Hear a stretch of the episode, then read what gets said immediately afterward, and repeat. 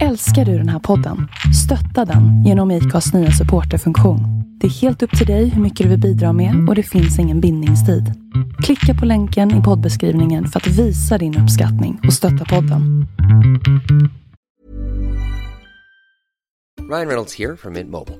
With the price of just about everything going up during inflation, we thought we'd bring our prices down. So to help us, we brought in a reverse auctioneer, which is apparently a thing. Mint Mobile unlimited premium wireless. Ready to get 30, 30, bit to get 30, bit to get 20, 20, 20, bit to get 20, 20, bit to get 15, 15, 15, 15 just 15 bucks a month. So, Give it a try at mintmobile.com slash switch. $45 upfront for three months plus taxes and fees. Promo rate for new customers for limited time. Unlimited more than 40 gigabytes per month. Slows. Full terms at mintmobile.com. Even when we're on a budget, we still deserve nice things. Quince is a place to scoop up stunning high-end goods for 50 to 80% less than similar brands.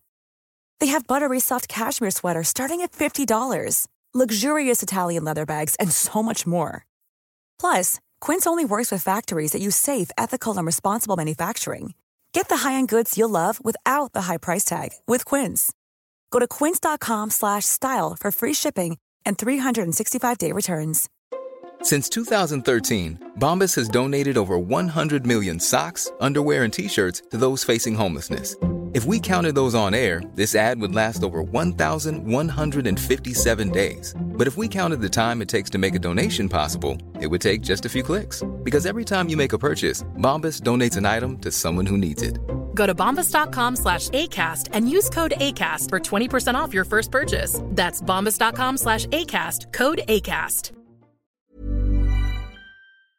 Hej, det är Melinda här. När jag och min man köpte vårt hus så ville vi självfallet skydda det mot inbrott, brand och vattenskador.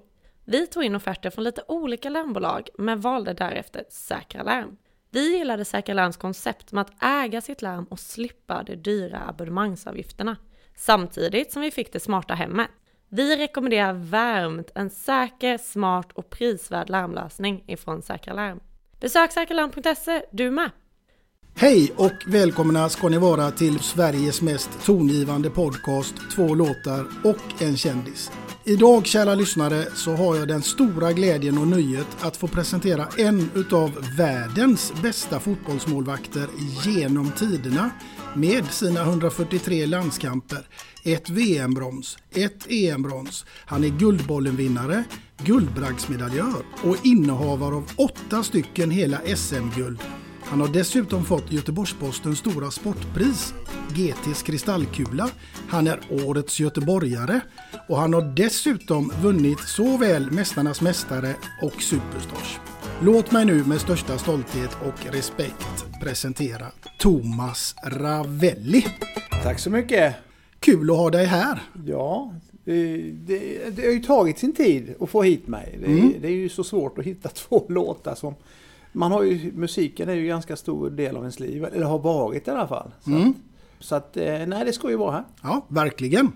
Du, eh, den första frågan jag tänker ställa till dig det är ju självfallet hur står det till med Thomas idag?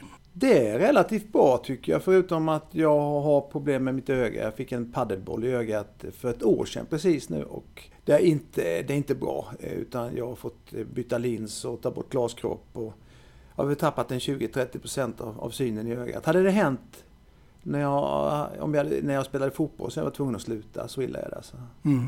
Så att nej, man får leva med det. Det blir väl inte bättre än så här. Det blir ingen comeback på paddelbanan?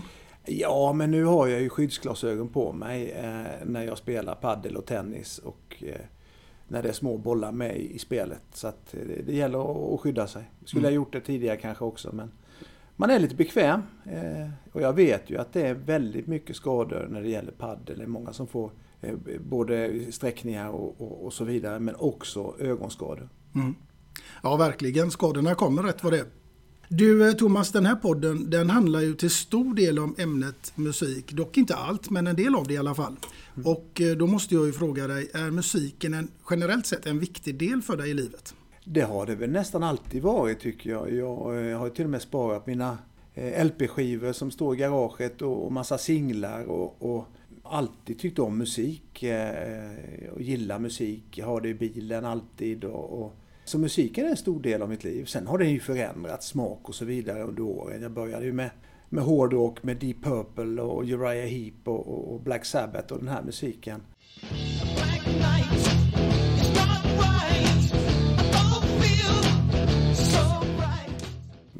men ja, ja, dagens musik är svårt att svara för. Jag kan, jag kan, kan inte med den riktigt. Nej. Jag är lite för, för gammal för det som kommer nu. Ja, nej, det är samma här faktiskt. Det får jag lov att säga. Du, vad är ditt absolut första minne till musik som du kan komma ihåg ifrån tidig ålder? Det var ju att mina föräldrar sjöng för, för oss barn. Mm. Mina föräldrar ju bägge, var ju bägge från Österrike. Pappa var läkare och mamma sjuksköterska. Och de sjöng ju österrikiska sånger för oss när vi var små och så fick vi sjunga med. Den första konserten jag var på var faktiskt med Nazareth.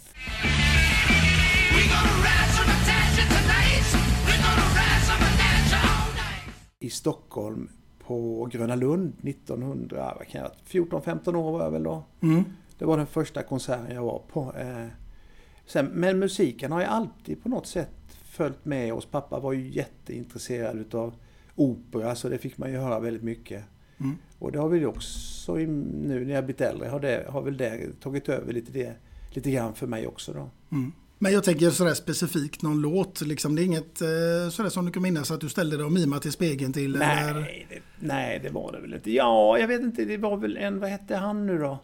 It Never Rains in Southern California var väl en låt som Albert Hammond gjorde som, som fastnade när jag var liten.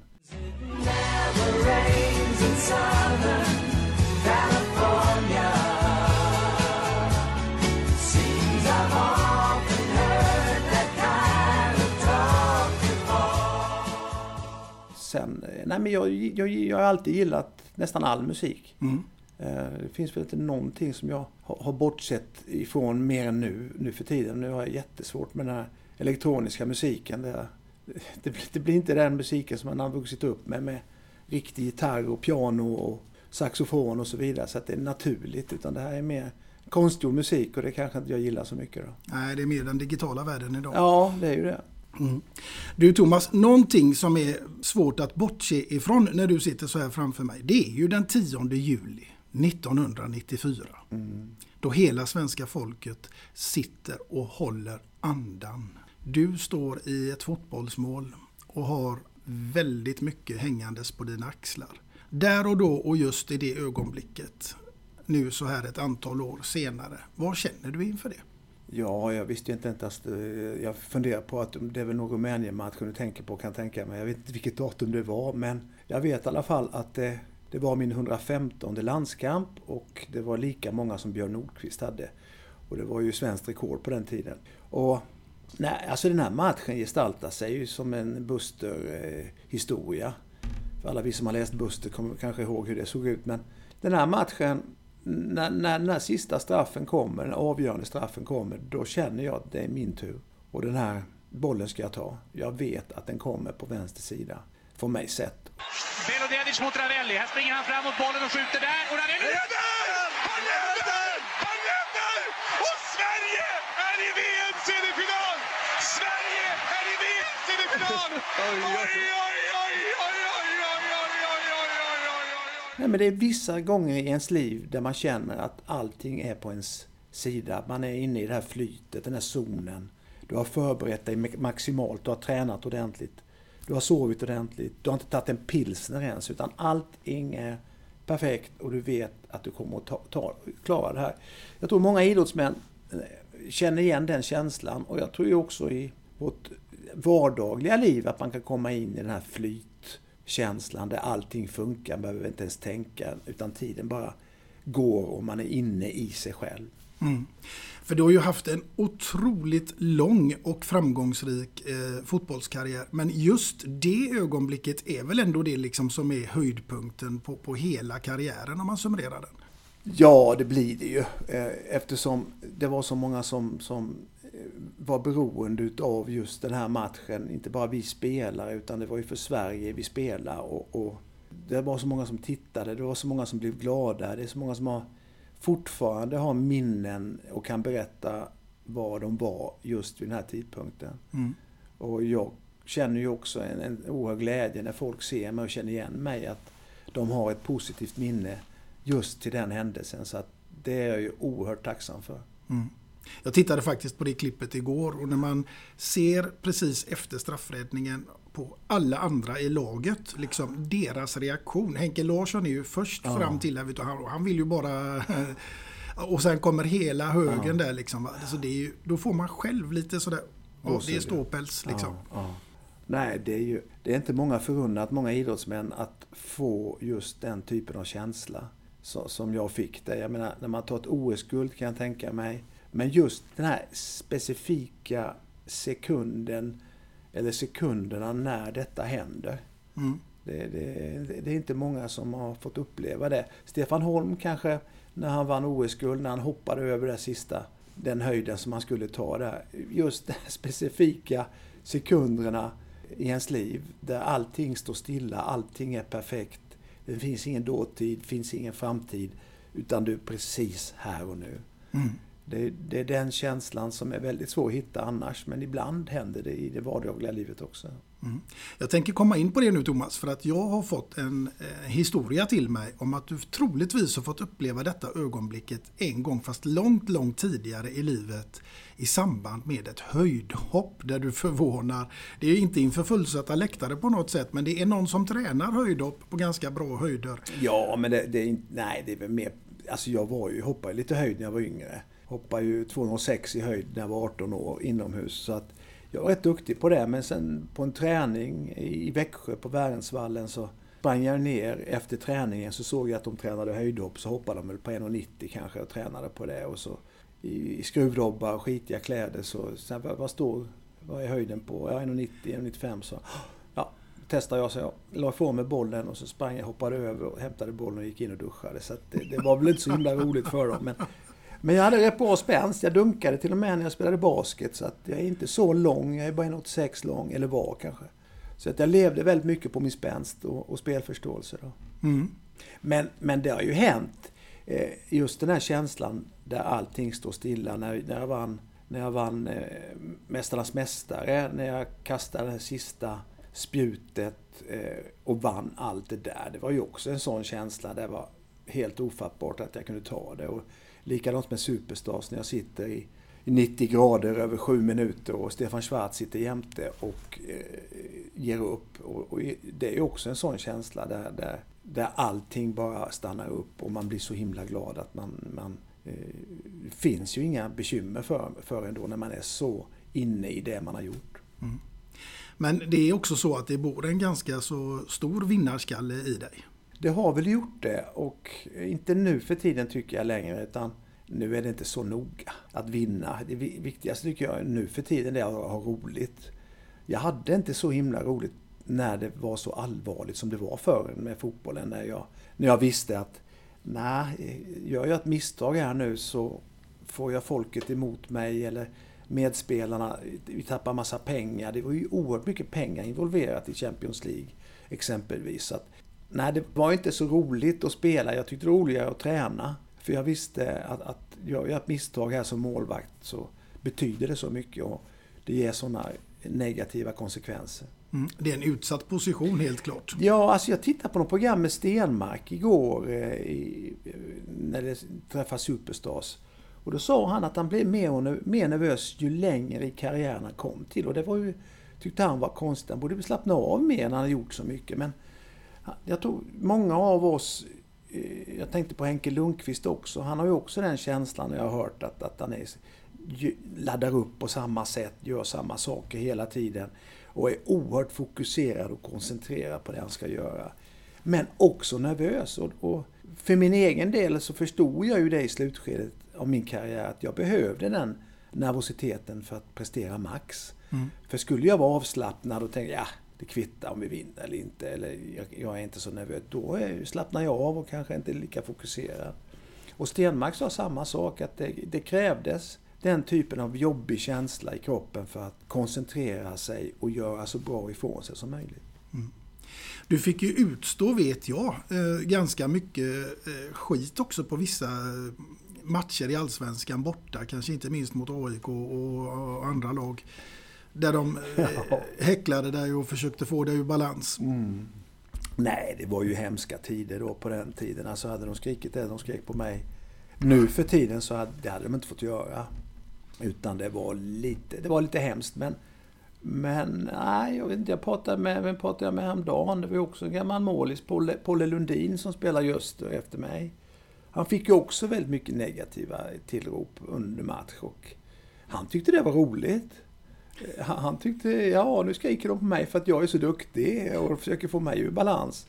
Ja, men jag tog det nog mer personligt. Jag tyckte det var hemskt att få höra det. Så att, eh, men eh, det, det, det var det som det var. Jag menar, Håkan Loob fick ju också väldigt mycket emot sig när han spelade upp i Stockholm med Färjestad. Så att, eh, det var så på den tiden och eh, det går inte att förändra nu.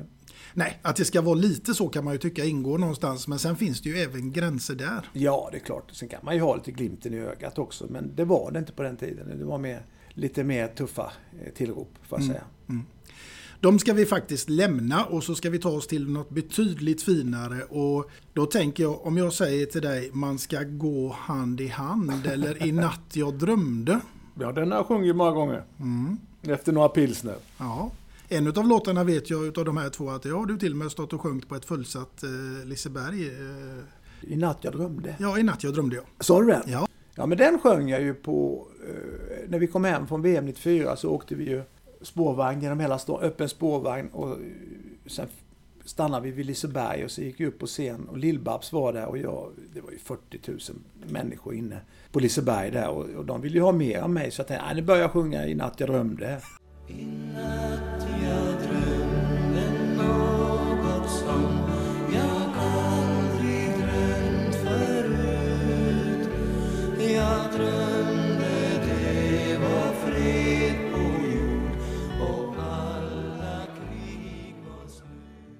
Och då fick jag ju med mig allihopa, så sjöng vi hela den, den sången. Ja, det var en otrolig upplevelse. Det- är lite tråkigt att jag har lite diffusa minnen till det här. Alltså att man, du vet, vi, vi tittade på finalen och sen flög vi hem i ett eget chartrat plan som SAS hade fixat. Eh, och det var ju fest hela natten. Och sen blev vi firade i Stockholm när vi kom hem. Och så flög vi ju ner till, Göteborg på eftermiddagen sent. Och eh, landade här och då kanske man sov någon timme på, på flyget. Så att jag har ju inte sovit riktigt på två dygn och festat. Så att de här minnena är lite diffusa eh, faktiskt. Men jag kommer ju verkligen ihåg firandet med, med spårvagnen och att jag sjöng. Men, men det är så länge sedan nu också så det, det, det flyter ihop på, på sätt och vis. Där. Det här fick jag faktiskt från eh, din tvillingbror Andreas, för jag pratade med honom på telefon igår. Jaha, vad roligt. Ja, det var väldigt trevligt. Och han kunde ju inte naturligtvis låta bli att säga att det var han som hade liksom krattat manegen för dig under hela livet. Han är alltid Absolut. den som har varit först i allting. Ja, ja. Han, har du verkligen varit först i allting, sa jag till Andreas. Ja, sa han. Jag var först i Östers A-lag. Jag var först med att bli pappa. Jag var först i landslaget. Jag var först i Blåvitt. Först att köpa hus, först att gifta sig. Jag var nog före honom att ta körkort kanske, det är väl det enda. Nej men han har alltid varit, han är ju halvtimme äldre än jag också så att eh, vi har alltid följts åt. Men jag har på något vis alltså, alltid krypit bakom honom och han har kattat manegen. Och sen har jag på något vis kanske, eh, det som skiljer Andreas och mig det är lite grann att, att ju tuffare det blir, desto mer press man har på sig, desto, desto bättre klarar jag det. Andreas gillar inte pressen lika mycket som, som... Alltså jag gillar inte pressen, men jag presterar bättre när det blir tuffare för mig. Och det gillade inte Andreas riktigt. Så det är väl det som skiljer oss åt då. Men annars har ju ni följt varandra faktiskt under hela karriären i både såväl eh, Öster, landslaget och sedermera sen IFK Göteborg också. vi spelade en säsong ihop i Blåvitt här 89. Sen stack han tillbaks till, till Växjö igen eh, och jag blev kvar här i Mölnlycke i Göteborg. Då, så att, eh, men, men sen var vi ju ifrån varandra rätt länge där fram till... Ja, vi startade företaget ihop då, Ravelli, som, som säljer produkter till, till, till idrottsföreningar, skolklasser med kalsonger, strumpor och hemtextil och sånt så att de kan tjäna pengar. Och det gjorde vi för ett sju, åtta år sedan. Och då började vi jobba tajt ihop igen eh, för en gemensam sak. Det som att spela i samma lag igen. Mm. Eh, Men vi var ifrån varandra och jag trodde vi behövde det lite grann för att vi var ju så tajta. Vi hade samma kompisar, jobbade ihop, spelade fotboll ihop. Vi var alltid tillsammans. Så att vi hade en, en fyra, fem, sex år där vi inte träffade varandra så mycket. Och pratade inte med varandra så mycket per telefon heller. Utan vi, vi, och sen då med det här företaget där vi jobbar tillsammans igen. Det, ja, det var viktigt. Den här perioden när vi var ifrån varandra var ju viktigt så att vi, vi skilde på varandra lite grann. Att vi inte blir samma person. För det är ju lätt hänt att tvillingar är det när man är så lik också. Han sa det Andreas, en dålig dag liksom, då vill jag knappt gå i bilen eller gå och handla liksom. För det är alltid folk som kommer fram och säger ja. Thomas och ska autograf och grejer. Ja. Och så, ja. ja, det är inte lätt. Han är, han är, han är bäst på att vara tvilling egentligen, Andreas. För att han, han klarar av det på ett jättebra sätt. Mm. Jag hörde dessutom historien om att Öster hade ju på den tiden en legendarisk ledare som heter Stig Svensson och IFK Göteborg hade ju eh, Rövan, Bernmar. Anders Bernmar Ja. som han hette. Och när det var så att det var väl Wernersson skulle sluta som målvakt och Hussein stack väl och då skulle man värva, behövde man ju en målvakt och en mittback. Och då skulle man ju göra ett paketpris där tänkte Bernmar och köpa dig och Andreas samtidigt. Ja. Men det, den, den lösningen fick han inte riktigt igenom. Nej, det gick ju inte för dem. Alltså, det var väl Roger Gustafsson som, som sa att nej, det är klart vi köper bägge. Så, men så sa styrelsen, nej, det räcker med en. Eh, Vi måste ha koll på hur de egentligen är. För de, vi, vi, vi var ju vinnarskallar i öster. Vi, vill, vi, kunde inte, vi accepterar ju inte, framförallt jag då, att, att förlora en match. Så att de köpte ju Andreas först då, eh, 1988. Och, eh, och Andreas, det sa jag, det var ju en bra kille. Och sen tänkte de, och det köpte de i Torsvet istället då, Erik som gick till Tottenham. Så 89 så, så vill, köpte de ju mig också. Eh, och, och då hade ju Andreas ringt mig och sagt, ja det, det är nog att Wernersson kommer nog ringa dig. Eh, för att de är intresserade av en målvakt och de vill nog ha det. Ja, det var intressant. Så ringer ju Wernersson en två veckor efteråt och säger Ja, vill du spela i Blåvitt? Och så säger jag så här, ja när ska jag komma? Så jag, det var inte prat om några pengar eller någonting. Och där fick man ju inga pengar på den tiden, utan det var ju klubbarna som, som fick, jag tror de betalade en, en 1,7 eller 1,8 miljoner för mig i Blåvitt. Men alla pengarna gick ju till klubben, man fick ingen övergångssumma på den tiden. Nej. Så att det var en oerhörd skillnad. Som, nu, nu hade man ju fått rätt mycket pengar om man skriver på för en annan klubb. Det är ju Ja. självklart. Sen Bosman kom så blev ju Ja. alltihopa förändrat kan man säga. En, en stor skillnad. Du, ja, vi ska faktiskt leka lite granna med din eh, fantasi Thomas. Därför att nu ska du få befinna dig på en helt öde ö. Och du ska få välja att ta med dig en enda platta. Vilken blir det?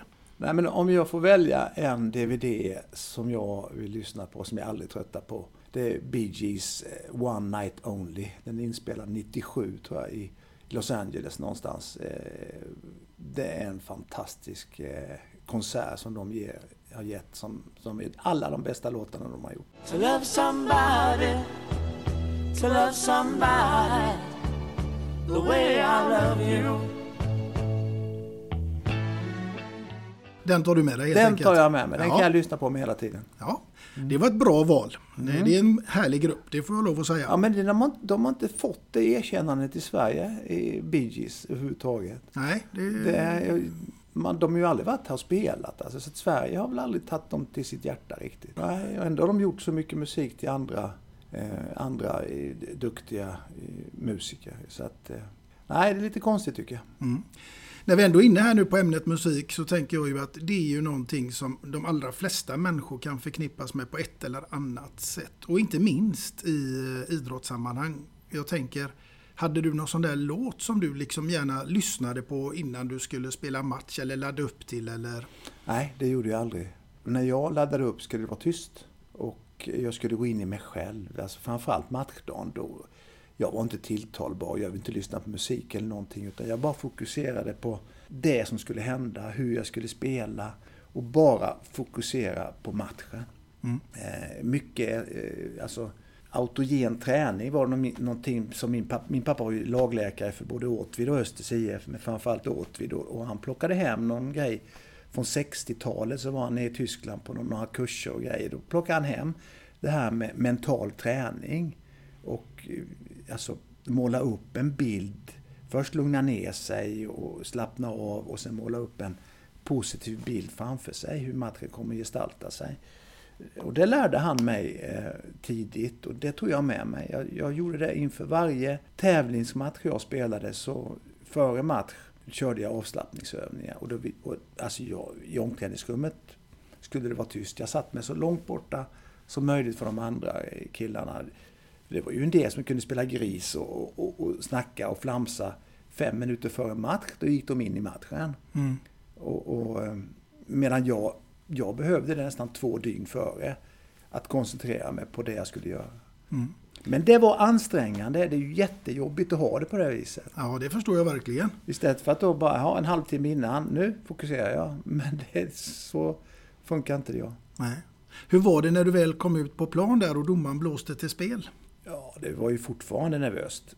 Och, och jag var oerhört koncentrerad framförallt när det var jämnt. Står det en 3-4 och vi var noll och vi var överlägsna, så då kunde jag ju spexa och ta det lite lugnare. Mm. Eh, Men oftast när det, när det stod 0-0 och vi ledde med 1-0 i en viktig match, nej. Då gick det inte att att flamsa utan då var jag koncentrerad. Annars så har man ju ett minne utav dig och för spexa det kunde du ju absolut göra också. Och, och framförallt den här, eh, de här stegen som du skuttar iväg med och tittar mot Ja, det fotografen. där fattar inte jag heller. Alltså, vi spelar mot, i en semifinal i ett VM. Det står 0-0 och jag gör en räddning och så springer jag förbi en, en kamera och jag vet inte om... Det är ju helt spontant. Och jag vet inte om att kameran står där utan... Och så gör jag de här... strå- Det, det finns faktiskt en övning i friidrott som heter Ravelli-övningen där man gör de här strakbenade och springer på det här viset. Så det är ju roligt men- jag gjorde det inte medvetet utan det var bara någon sån här... Alltså, jag, jag var väl så stressad och kanske att det bara hjärnan inte funkar riktigt. Men samtidigt var det så här också att under den här turneringen jag hade sånt otroligt självförtroende så det kändes som att nej, jag kommer ta varenda boll, de gör inte mål på mig här. Så att när man är inne i den här zonen som jag pratade om tidigare, där allting funkar, då kanske man hittar på saker och ting som man egentligen inte gör i vanliga fall. Mm. Ja, för innan VM 94 så var du ju ganska Ja. eh, tufft kritiserad från sina håll och kanter också. Oj, oj, oj. Det var en jobbig period. Ja. Men alltså, ska man säga, alla var väl emot mig och det, det blir ju lätt en, en... Alltså, alla tycker på samma sätt och så...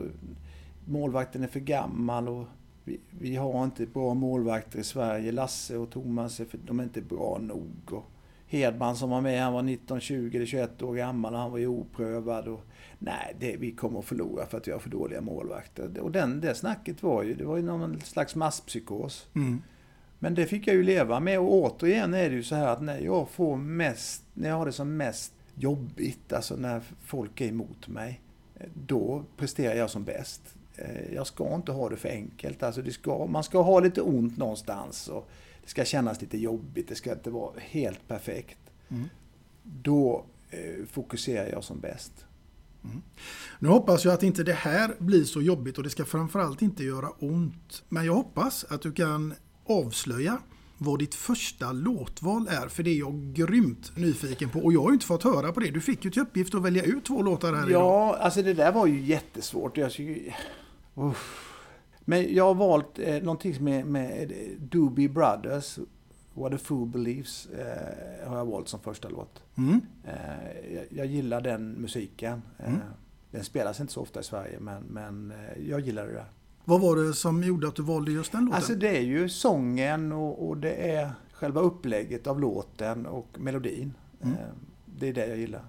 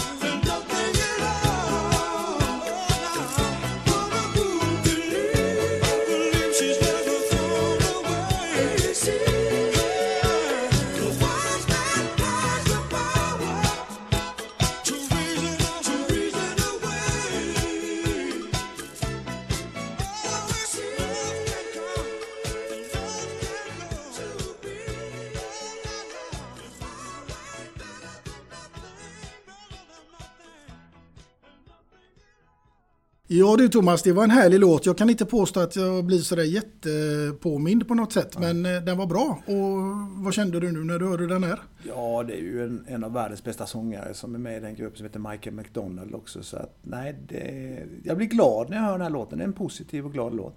Mm. Verkligen, den får jag lyssna mer på får jag lov att säga. Jag lär mig mycket när jag har den här podden för det finns ett antal låtar som folk har önskat som jag, jag har inte en aning. Nej. Nej, men smaken är ju delad som allt annat. Ja, men så är det. Man lyssnar på olika musik. Det är ju... Absolut. Och vi ska fortsätta att prata om musik och då skulle jag ju egentligen vilja ställa dig frågan så här. Vem hade fått skriva låten om Thomas Ravelli? Jaha du. Du tar eh, Barry Gibb i Bee Gees. Han gör bäst melodier, det gjorde han förr i alla fall. Mm. Han är den som är kvar i, i, den, i den familje... Två av bröderna är borta och lillebrorsan dog ju för många år sedan. Så Barry Gibb blir det då. Då blir det han som Ja. får eh, En lugn, en lugn ballad blir det. Lugn och fin. en lugn och fin ballad. Ja. Ja, Det blir det säkert alldeles utmärkt. Du, nu ska vi faktiskt komma in på någonting som har med ditt klädesmärke att göra. För du har ju ett klädesmärke som Mm. heter Ravelli. Och det har du haft nu i ett antal Ja, år. sju, åtta år har vi kört det där. Det, är ju, det säljs ju bara genom ideella föreningar, alltså idrottsföreningar, skolklasser. Som behöver åka på kupper och skolresor och liknande. Och då har ju, men som sagt var det har ju varit problem här nu med covid-19 där inte de kunnat åka någonstans. Men, men klubbarna har ju ändå behövt pengar så att de har sålt våra produkter och, och, och tjänat pengar på det. Mm. Eh, Många som, som lägger upp sin budget genom att eh, sälja de här eh, kläderna som vi har då med eh, hemtextilen och, och påslakan, örngott täcken och kuddar och strumpor och ja, löpartights. Och det, är ju, det, är ju, det finns till alla då. Mm. Så att vi jobbar stenhårt och försöker få igång varumärket ordentligt. Eh, Och det, det går bra. Sälj Ravelli, sälj Ravelli, tjäna pengar till föreningen. Thomas Ravelli här. Vad drömmer du och dina kompisar och lagkamrater om? Sälj paket med kvalitetsprodukter från Ravelli och tjäna ihop pengar till klassen eller föreningen. Ravelli.se. Skulle du säga att det är lite pluspoäng för en kille eh, när man ramlar in där efter en blöt kväll och kommer eh, med ett domsällskap i Ravelli-kallingar? Ja, det är ju, det är ju bronsspår i dem också. Från 94? Ja, ja, brons sa jag alltså, inte Jaha. broms. Nej, brons, nej. Ja, ja, ja.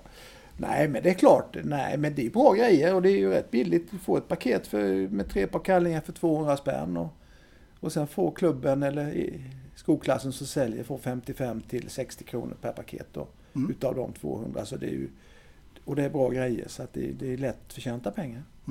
Hur startade det?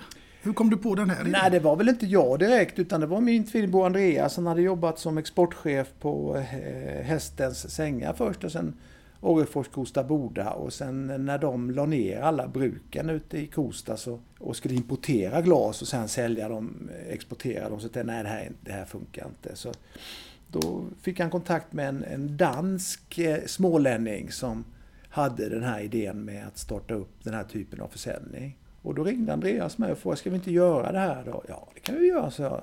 Nu är det roligt att springa för sig själv, inte springa för andra hela tiden. Om man eh, startar ett eget företag och gör det. Så att det var väl Andreas och Werner Hemmingsen som han heter som kom med idén och jag sa ju ja direkt. Det är jätteroligt, klart vi gör det. För det blev ju till början, och det är det väl kanske fortfarande, men framförallt i början kommer jag ihåg att då var det ju ett jäkla snack om de här eh, Ravelli-kallingarna. Ja, men det är väl bra. Det måste pratas om det, annars känner man inte till varumärket heller. Nej.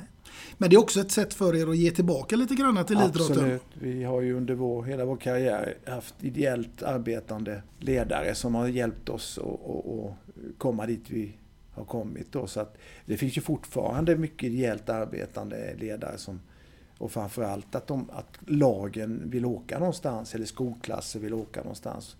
Och alla har ju inte den ekonomiska ramen för att kunna göra det och då, då kan man hjälpas åt att sälja de här grejerna istället så alla har råd att göra detta. Det tycker jag är en väldigt sund och eh, inte minst fin eh, inställning. When you're ready to pop the question, the last thing you want to do is second guess the ring.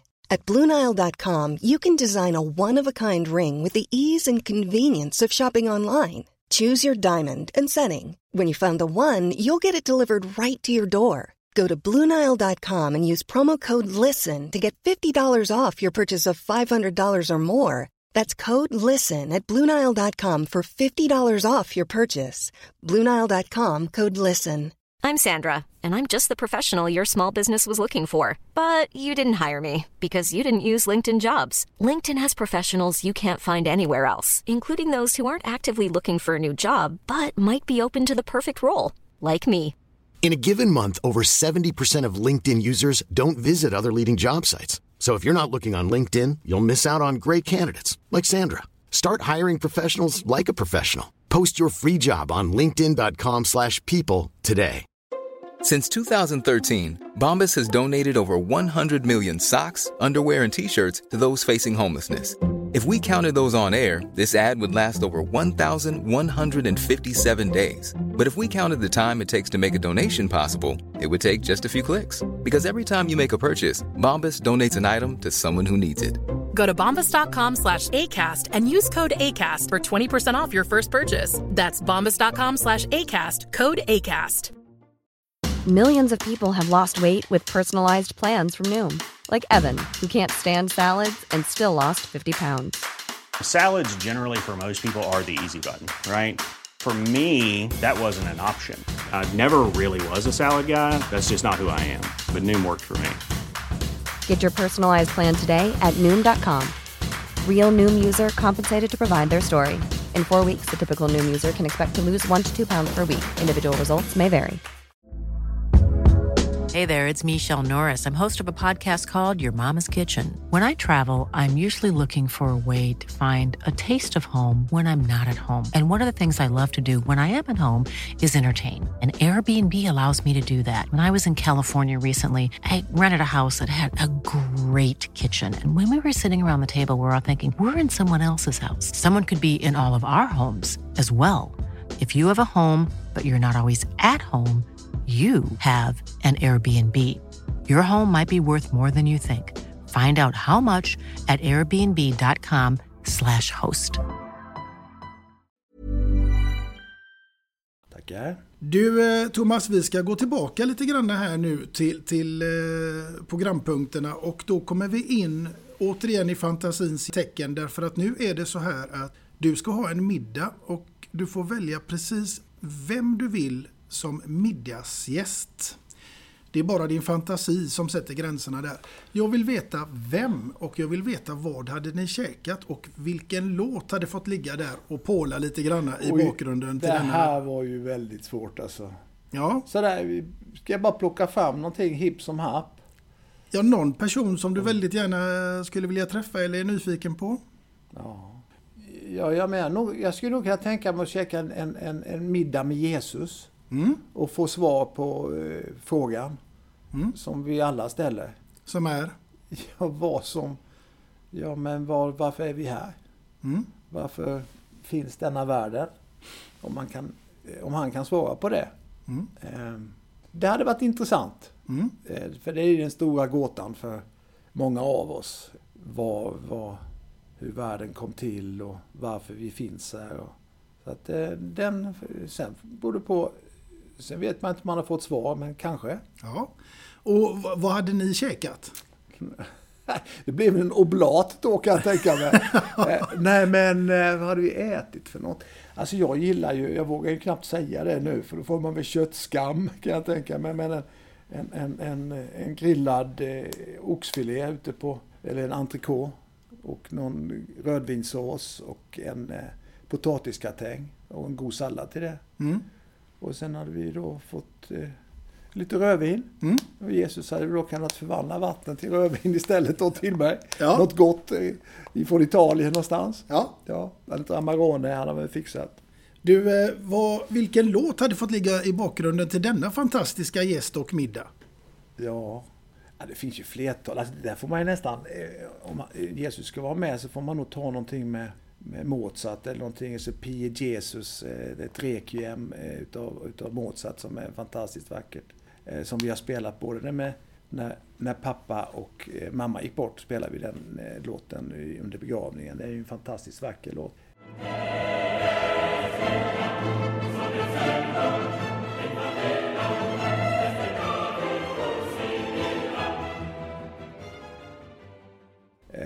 Det är ett requiem då, en dödsmässa. Mm. Så att den har nog passat där. Är det någon kanske... Något...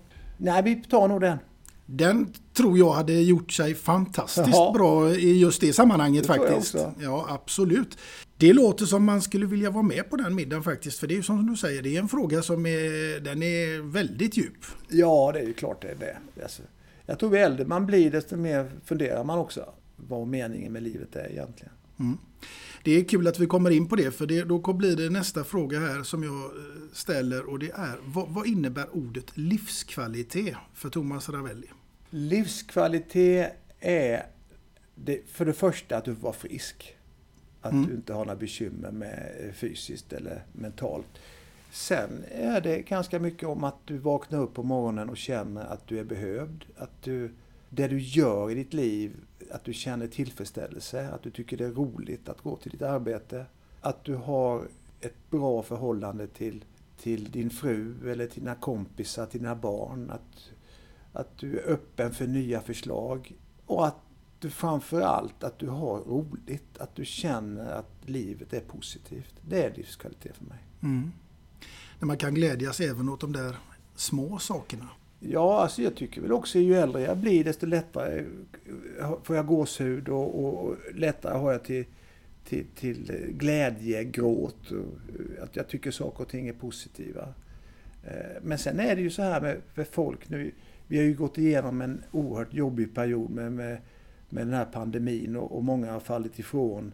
Och många känner en, en, en, en, alltså en ledsnad utav det som har skett. Man har förlorat sitt jobb och så vidare. Så att, eh, det är en tung period vi har gått igenom allihopa och livet har ju mer eller mindre varit i stå. Man har inte, alltså vad har hänt under de här nästan ett och ett halvt åren? Man har inte gjort något speciellt utan man, livet har bara gått långsamt framåt och man har vä- väntat på att det här ska ta slut och man kan få leva normalt igen. Mm. Eh, Så att det, det, perioden nu har varit jobbig för alla, jag tror för mig också. Eh, Jag föreläser ju mycket, jag har inte haft en föreläsning på jag vet inte hur länge. Och, och många kämpar, men det blir bättre. Vi måste gå igenom den här, det här stålbadet och komma ut på något nytt sätt på den andra sidan. Då. Mm. Jag hade faktiskt det som en punkt här när du säger föreläsning och att du just är föreläsare. Mm. Va- Vad, vad är det de föreläsningarna eh, i huvudsak går ut på? Det är ju att försöka utnyttja den kapaciteten, att du vågar kliva utanför de här ramarna som du själv sätter upp.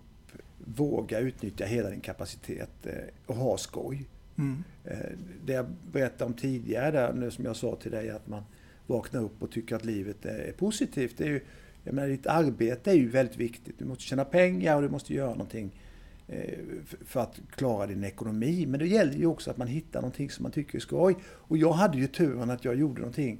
Det var ju min hobby, min fotboll. Mm. Även om jag hade ett jobb under 80-talet också som, som säljare. Men det var ju inte det. Det var inte där jag gav allting. Utan det var ju min hobby, min fotboll. Så att folk som går omkring och tänker nej, det här är inte roligt. Jag går till mitt jobb och gör det här. Och väntar till att det blir fredag och får öppna min tetrapack och dricka ett glas vin. Försök göra någonting annat. Mm. Hitta någonting som du verkligen brinner för. För att vi har ju ändå i Sverige har vi ju en massa säkerhetslinor där, där, jag menar, blir du arbetslös, blir du sjukskriven, då får du ersättning. Så att det finns ju en möjlighet att, att hitta det du, utbildning eller vad som helst. Det är ju nästan mer eller mindre gratis. Så att, försök hitta det som du tycker är det bästa i ditt liv och då, och då gör man ett bra jobb också. Och det är lätt att säga, men så fort du sitter där, att du blir permitterad, du blir av med ditt jobb, då måste du göra det. Mm. Annars är man väldigt bekväm. Du öppnar inte den här dörren när du inte vet vad som finns där bakom, utan den låter du vara stängd. Mm.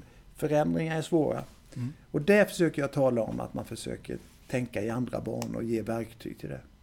Det tror jag är väldigt bra. Eh, För vi lever ju också i en tid där vi ständigt blir påminda om hur vi ska se ut och hur vi ska vara. Och det är sociala medier till höger Ja, och det är vänster. hemskt nu för tiden. Jag tycker synd om barnen. De ser bilder på, på eh, alltså, sådana som har hur mycket pengar som helst och är snygga. Och sen är det fotofilter och grejer på också. Så att, ja, det, var ju inte, det var inte så på vår tid. Nej. Då, då fick man faktiskt... Då ringde man kanske... Nej, man ringde knappt till varandra. Man avtalade dagen innan. Nu träffas vi vid den här tidpunkten. Då gjorde man det. Mm. Och, nej, det är lite skillnad.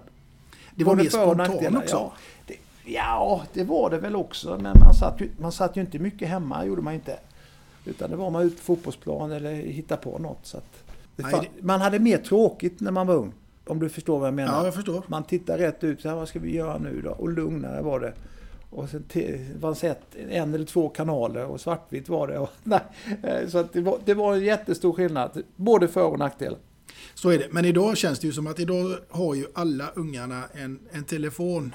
Liksom, och den, den, den är framme 24-7 nästan. Liksom. Ja, men det jag får ju säga att jag sitter med, med, med den också väldigt mycket, med, med nyheterna och, Mm. och, och, och kolla. Ja, förr i tiden tittade man på text-tv, räckte, men nu tittar man på telefonen också. Mm. Ja, det, var något, det var en rutin som du hade. Ja, det har jag fortfarande. Första jag gör på morgonen, jag sätter på text-tv och tittar vad som har hänt under natten. Ja. Det är korta, koncisa historier. Ja. Och sen sidan 377 är viktig också när man ser alla resultaten. Det är resultaten. Ja, ja, ja, ja. Idrottsresultaten. Och 202 är viktigt också. Ja. Det är aktierna. Det är aktierna. Ja, aktiekurser. 202 och 377. Ja, ja. Och 101 eller vad är det? Ja, 101, 102. Ja. 103, 104. Ja. Utrikesnyheter. Nu hör ni kära lyssnare vad ni ska göra på morgonen när ni går upp Ja, en, kopp kaffe, en kopp kaffe och, och, och text-tv, det är bra. Ja, det funkar än idag.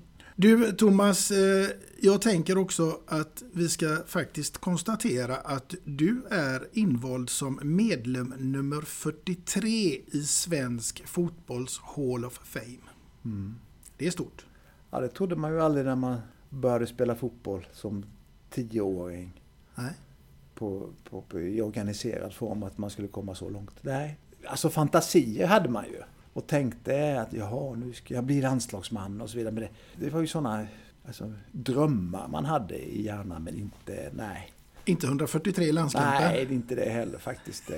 Men klart, drömmar är ju en sak och det har jag alltid haft. Eh, målbilder har jag också haft, men men inte sådär långt fram utan jag hade alltid de här korta, jag ska klara mig vidare till nästa omgång och nästa lag och, och nästa match.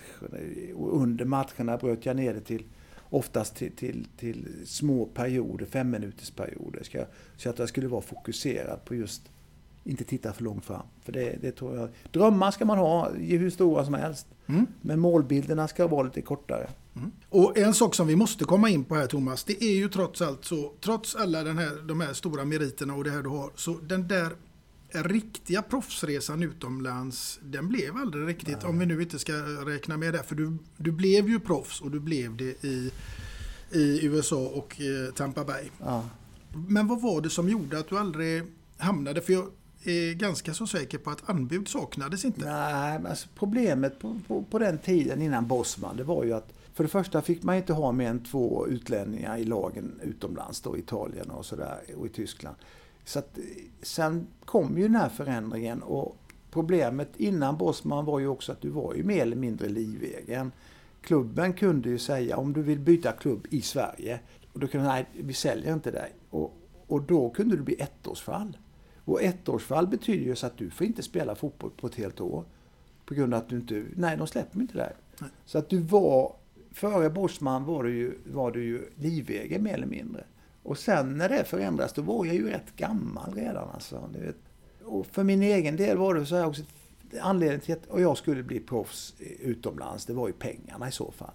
För rent eh, fotbollsmässigt utvecklas jag ju lika mycket i IFK Göteborg. Vi spelar i Champions League varje år mer eller mindre, fyra år på raken och vinner SM-guld.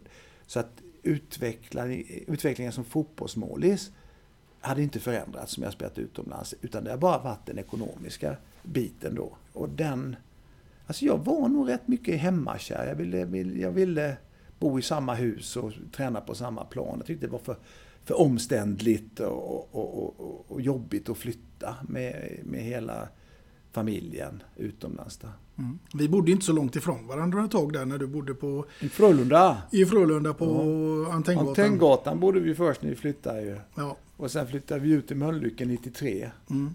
Eh, Ja, ja, det var länge sedan. Det var många år sedan Ja. det du. Tiden går. Ja, det är inte klokt. Och vi får följa med finns det ju någon text i någon låt som heter, kommer inte ihåg vilken det är, men det är Nej, en dansbandslåt. Ja, den kan inte jag. Nej.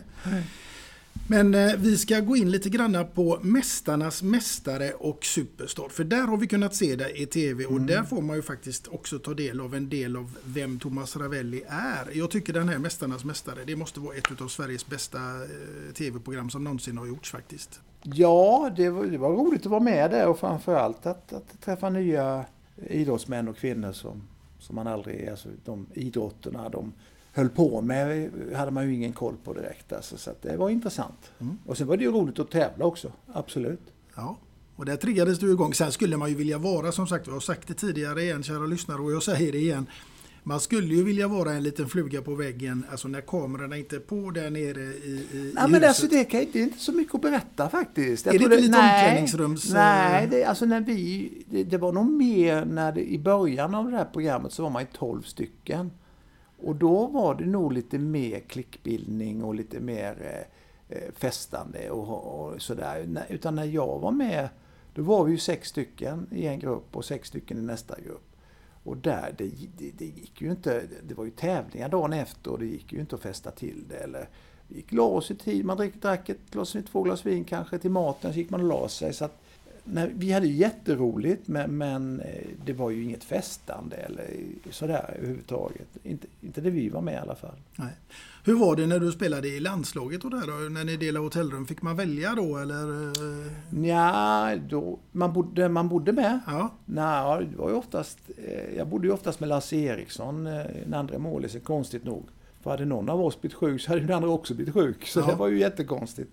Men, och sen bodde jag med brorsan, Andreas, när han var med i landslaget också. I klubblaget så bodde jag med Linkan, Stefan Linkvist som tyvärr gått bort för oss nu. Eh, och sen Stefan Pettersson. Det var ju de jag bodde med. Ola Svensson också. Ja. Men- det var inte det fick- juniorerna Jonny Ekström eller Dennis Schiller? Nej, nej, nej. Johnny skulle bo med mig en gång när jag gick inte så nej, honom kan jag inte bo med, sa han. Så han fick ju bo med någon annan, Jon- Johnny då. Så att, eh, nej, men vi var vi lite äldre, eller lite lugnare som bodde ihop tror jag. Mm. Det blir väl lätt så? Ja, det tror jag också. Du, vi ska faktiskt också komma in på att du har ju släkt ifrån Österrike, för du kommer därifrån från Nej, begynnelsen. inte jag, men mina föräldrar. Ja, dina föräldrar. Ja, du är ju född och uppväxt här i Jag är Sverige. född i Vimmerby, ja. Men båda dina föräldrar eh, är från Österrike? Pappa och mamma är från Österrike, ja. Eller Mm. var. Mm. Pappa var ju läkare, så i Sverige behövde man läkare på 50-talet där någon gång. Och så var det rätt mycket österrikare faktiskt som flyttade till, till Sverige 52. Eh, där pappa kom hit och mamma också då. Hon var sjuksköterska. Mycket på grund av att eh, Österrike fortfarande var ockuperat. Det blev ju inte fritt för 1955. Eh, så landet var ju uppdelat i de fyra segermakterna då med England, Ryssland, Frankrike och USA. Så att, eh, och det var ju, var, ja, det förstår man ju själv, om landet är ockuperat och vill man ju pröva sina vingar någon annanstans och det gjorde de ju. Mm.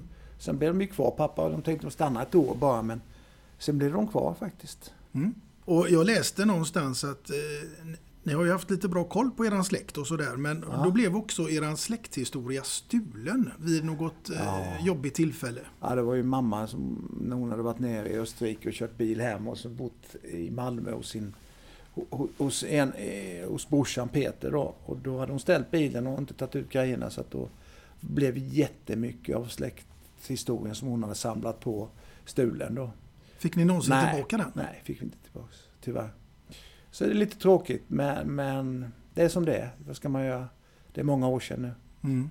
Ja, nej, något, på något sätt så måste livet gå vidare. Men det är ju alltid trevligt att ha lite koll på sin Ja, men det har, historia. vi har rätt mycket koll på det faktiskt. Mm. Absolut. Eh, långt bak i tiden. Jag var ju med i ett tv-program, Vem tror du att du är? Jag tror den heter, sånt, där vi gick tillbaks också till, eh, vi åkte ner till i Sydtyrolen, alltså, eh, där farmor och farfar var ifrån då. Mm. Eh, I Bolzano bland annat. Och, och sådär. Så att, nej, men vi, lite koll har vi, absolut. Har du något sånt här favoritställe i Österrike? Ja, absolut. Södra Österrike där vi alltid var när vi var små. Mm. Eh, gränsen till, till Italien, Slovenien. Där är jättemycket sjöar där nere. Landskapet heter Kärnten och, och eh, det finns en liten by som heter Milstadt som vi alltid åkte, åkte skidor där på, på vintrarna och, och på sommaren kan man åka jättemycket badsjöar där. Mm. Så där, där, senast var vi väl där när vi fyllde 60, brorsan och jag. Se där ja. ja. Fi- Firade vi där nere med våra familjer. Trevligt. Mm. Du, är du, gillar du att resa? Ja, det är inte nu längre alltså. Nej. Jag är nog rätt bekväm. Jag tycker det är lite omständligt och framförallt att flyga långt. Jag tycker, nej, så tråkigt. Mm.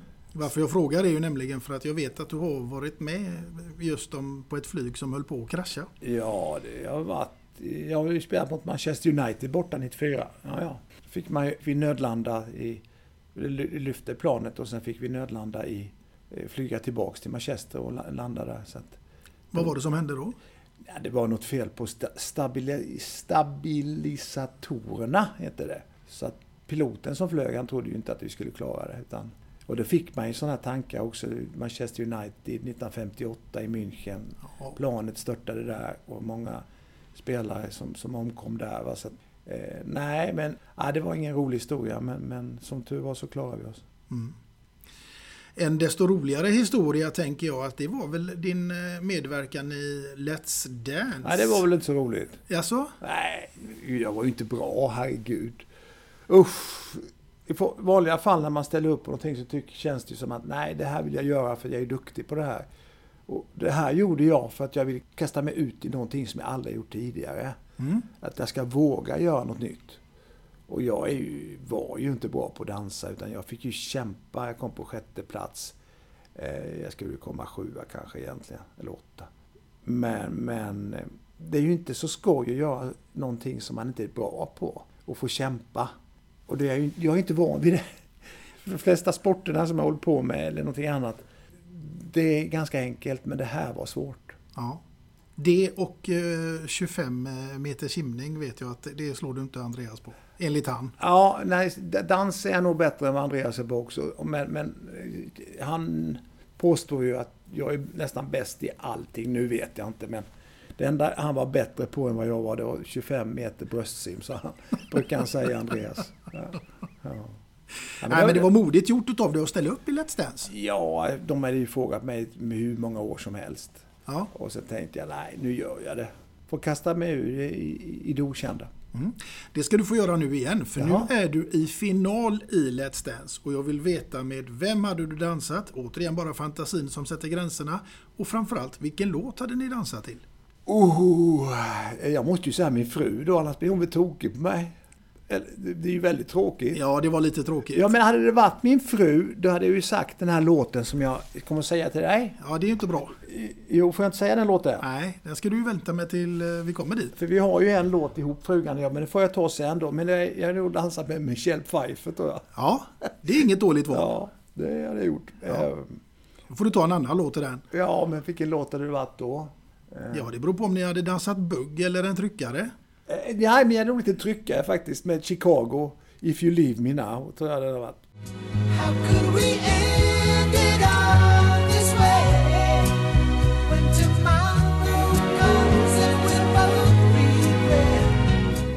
Den har jag dansat med. Den är inget dåligt val. Nej. Men du, nu när du ändå är inne på det då så får vi väl säga så här att ja, nu kommer vi in på Thomas låtval nummer två. För nu kan vi ju inte sitta och hålla oss här längre. Nej. Nej, men det är ju så här faktiskt att det, det är ju en kille som har för, förföljt mig i hela min vuxna karriär mer eller mindre. Från när man hade sina, sina fester hemma föräldrafritt. Det, var, det spelades alltid den här låten när man ska upp och dansa. Och det mest fantastiska alltihopa att förband till den här killen som, som jag tog mig att säga nu. Jag har ju sett honom live i Stockholm på Globen. Förband var Earth, Wind and Fire. Och det är ju också en grupp som jag älskar. Mm. Den musiken. Men den som var huvudsångare, den som skulle man titta på, det var Barry White. Och den låten eh, som vi alltid dansar till, eh, och min fru och jag också, Can't Get Enough of Your Love heter låten. Och den, varenda gång den kommer på, då är vi uppe och dansar. Och när man hade sina eh, fester när man var liten, då spelades den här låten också. Alltid. I've heard people say that too much of anything is not good for you, baby. But I don't know about that. As many times as we've loved and we've shared love and made love, it doesn't seem to me like it's enough. It's just not enough, just not enough. Oh, oh,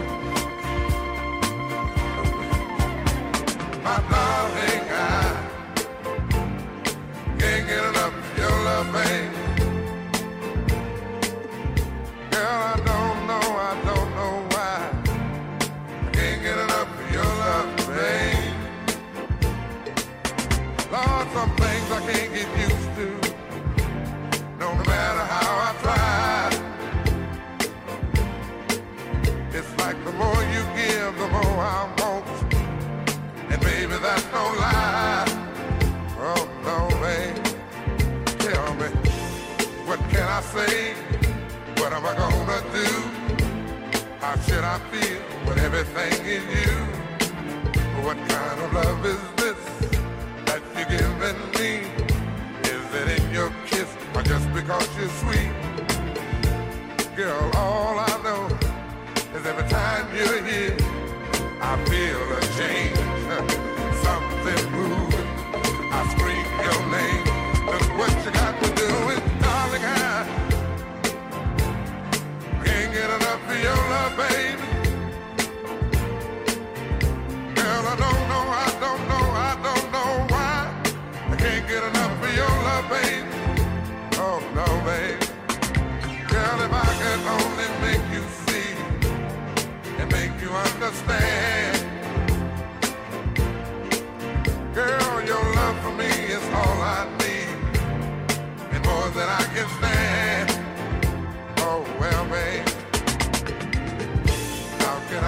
explain all the things I feel? You've given me so much, girl, you're so unreal still. I keep loving you more and more each time. Girl, what am I gonna do? Cause you're blowing my mind. I get the same old feel every time you're here. I feel a change,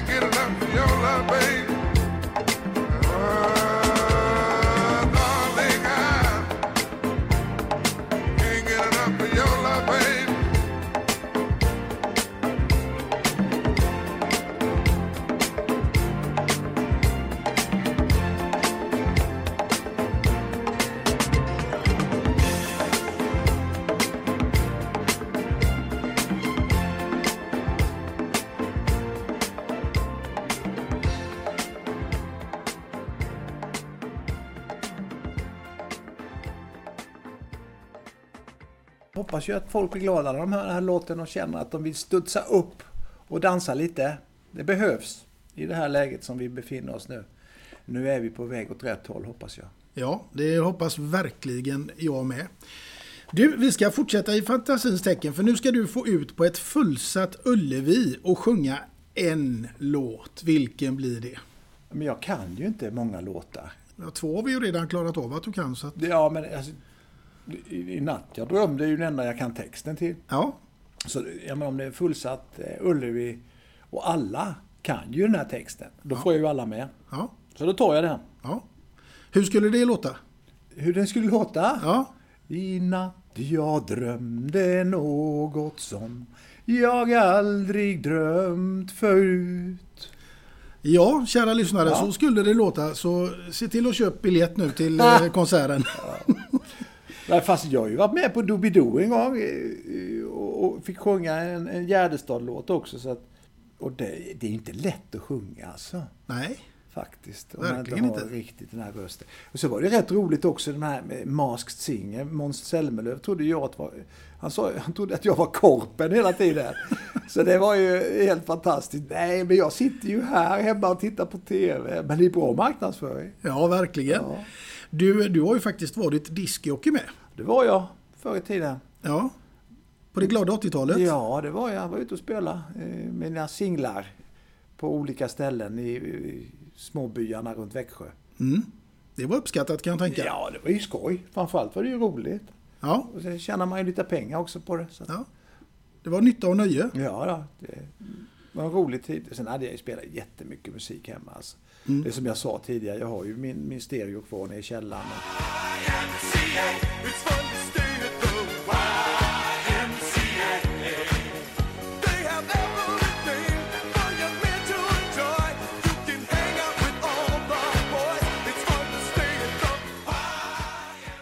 Med, alla LP-skivor och singlar och, som jag har kvar och som jag, jag kan spela. I, så att det är ju rätt skoj att göra det ibland. Det gör du emellanåt. Ja, absolut. Du, eh, är du redo för eh, fem snabba? Absolut. Då börjar vi med den första. Björn Borg eller Glenn Strömberg kalsonger? Har Glenn Strömberg kalsonger? Jajamensan, jag har ett par hemma. Jaha. Nej, då blir det nog Björn Borg tror jag. Ja. Vara bäst bland de sämsta eller sämst bland de bästa? Nej, jag tar den första.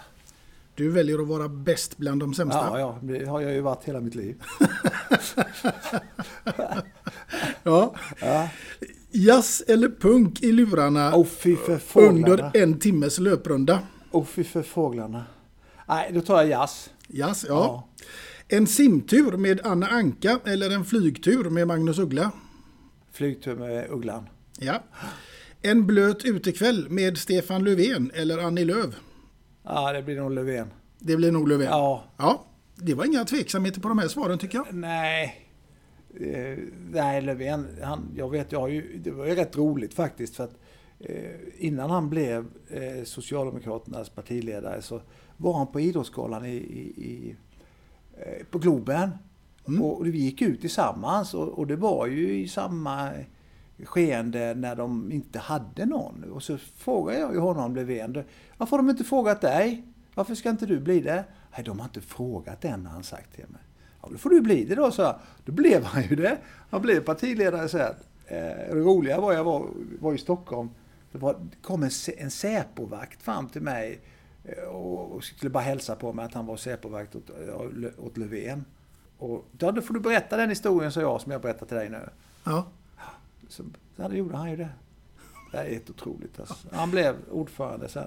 Ja, det gjorde han. Den gamle metallaren. Jajamensan. Du, eh, du har ju ett väldigt eh, gott hjärta också för att vi har ju haft en eh, tidigare gäst här som heter Louise Karlsson. Ja, ja. Och hon berättade ganska stolt faktiskt när du räddade livet på henne i Vallala vid något tillfälle. Ja, det var någon konstig superstarstävling i, inne på, på Skandinavien var. Mm. Där hon höll på. Ja, det var ju jättekonstigt. Det var ju inga säkerhetsanordningar överhuvudtaget. Hon höll på, skulle hämta några puckar inne i någon vattenfylld historia och hittade inte ut. Så, att, så jag tänkte, det var, hon var, var väldigt länge. Jag tänkte så länge kan hon inte hålla andan. Så jag hoppade ju i och drog ut henne därifrån. Men så hon klarade sig. Mm. Berättar hon den historien? Jajamän. Ja, okej. Du menar att du inte har lyssnat på avsnittet? Nej, jag har inte gjort det. Ja, ja, ja. Men då har du något att lyssna på sen. Ja, absolut. eh, För du är omnämnd. Ja, roligt. Ja. Du, eh, om du var i mitt ställe Thomas, vem skulle vara din favoritgäst framför dig då? Björn Borg. Björn Borg? Ja. Men alltså Björn Borg håller sig undan så mycket. Man får inte reda på någonting. Och, ja, det har varit intressant att sitta och diskutera med honom faktiskt. Ja, verkligen. verkligen. Du, eh, vi ska också passa på att fråga dig så här. För att nu går du hemma och eh, ja, du bara går där hemma helt plötsligt och du är ensam hemma. Radion är på och så kommer det en låt och du tänker nej, nej, nej, nej, inte en chans, aldrig i livet. Den här åker rätt av. Det finns ju vissa låtar som fastnar i skalle. Och det fanns det ju en låt när jag var yngre eller ung. Som hette Hej du gamle indian. Med någon skytts eller några, jag vet inte vilka som har gjort det. Och det var en sån slinga som inte kunde försvinna i skallen på mig. Och nu när jag tar upp detta så kommer det Hej du gamle indian. Har du glömt idag då din farfars far satte skräck bland klippiga bergen? Och, det, och den, vissa låtar är ju sådana att de bara fastnar i skallen på en och i, försvinner inte. Nej. Så den då hade jag stängt av. Hallå du gamle indian, Ja. den åker av. Ja, fy för fåglarna. Usch. Dansband är inget för Thomas? Jo då, herregud, jag gillar ju dansband, absolut. Jag gillar all musik. Förutom för hård, alltså punk och sånt. Och utflippad jazz kan jag inte lyssna på heller. Men opera, operetter, och dansband och ja, allt.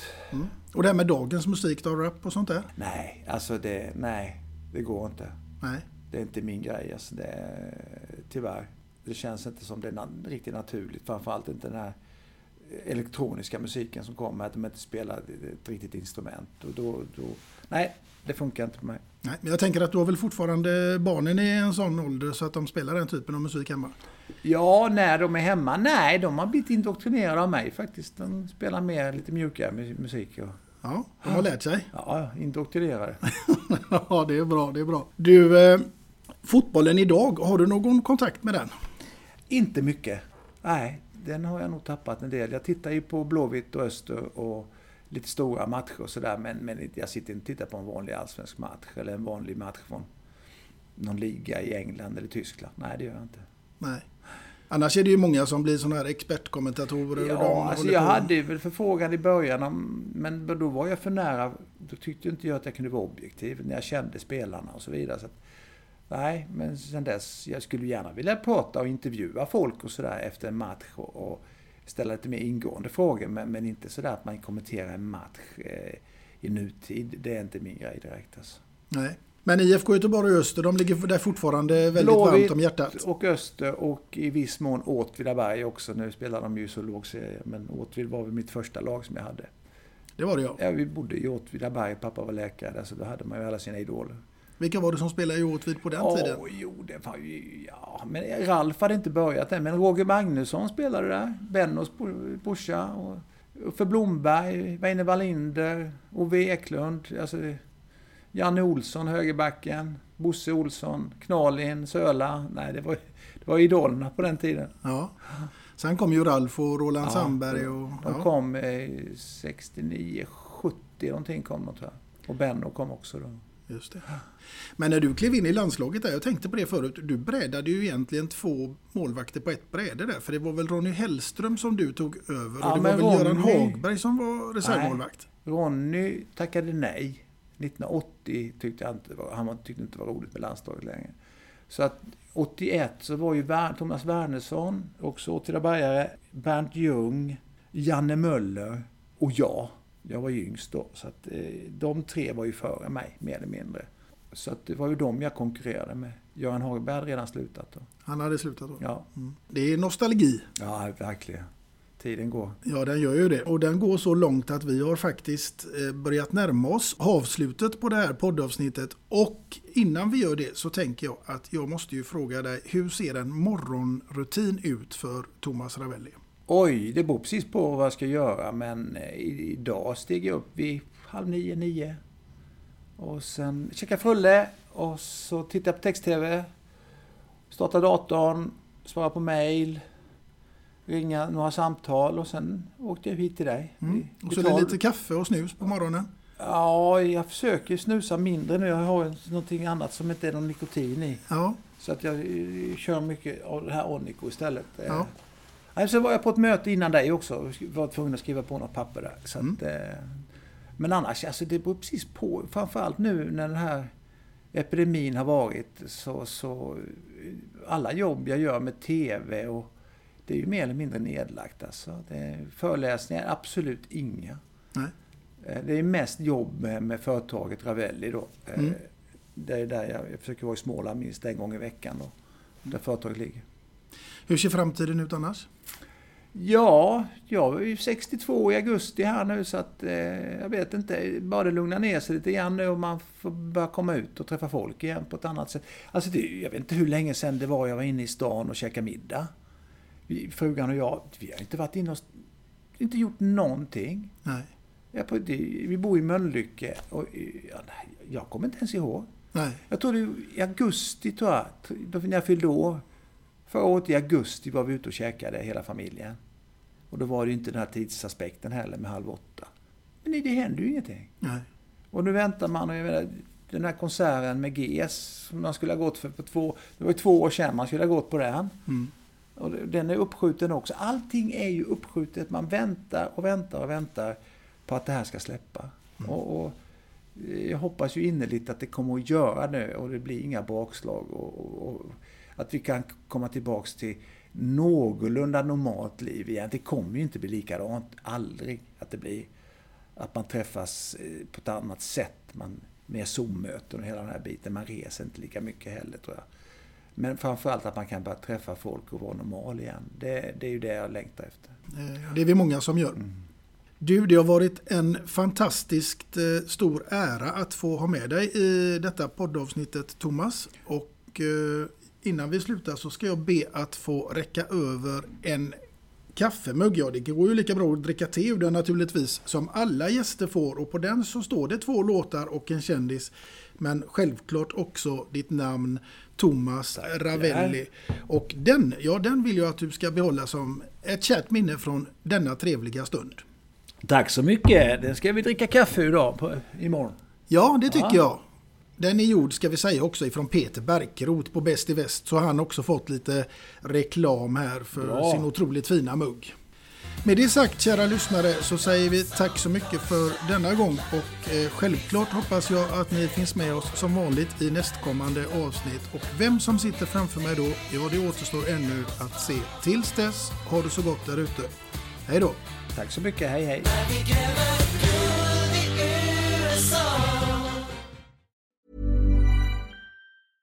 Even when we're on a budget, we still deserve nice things. Quince is a place to scoop up stunning high-end goods for 50 to 80% less than similar brands. They have buttery soft cashmere sweaters starting at $50, luxurious Italian leather bags, and so much more. Plus, Quince only works with factories that use safe, ethical, and responsible manufacturing. Get the high-end goods you'll love without the high price tag with Quince. Go to quince.com/style for free shipping and 365-day returns.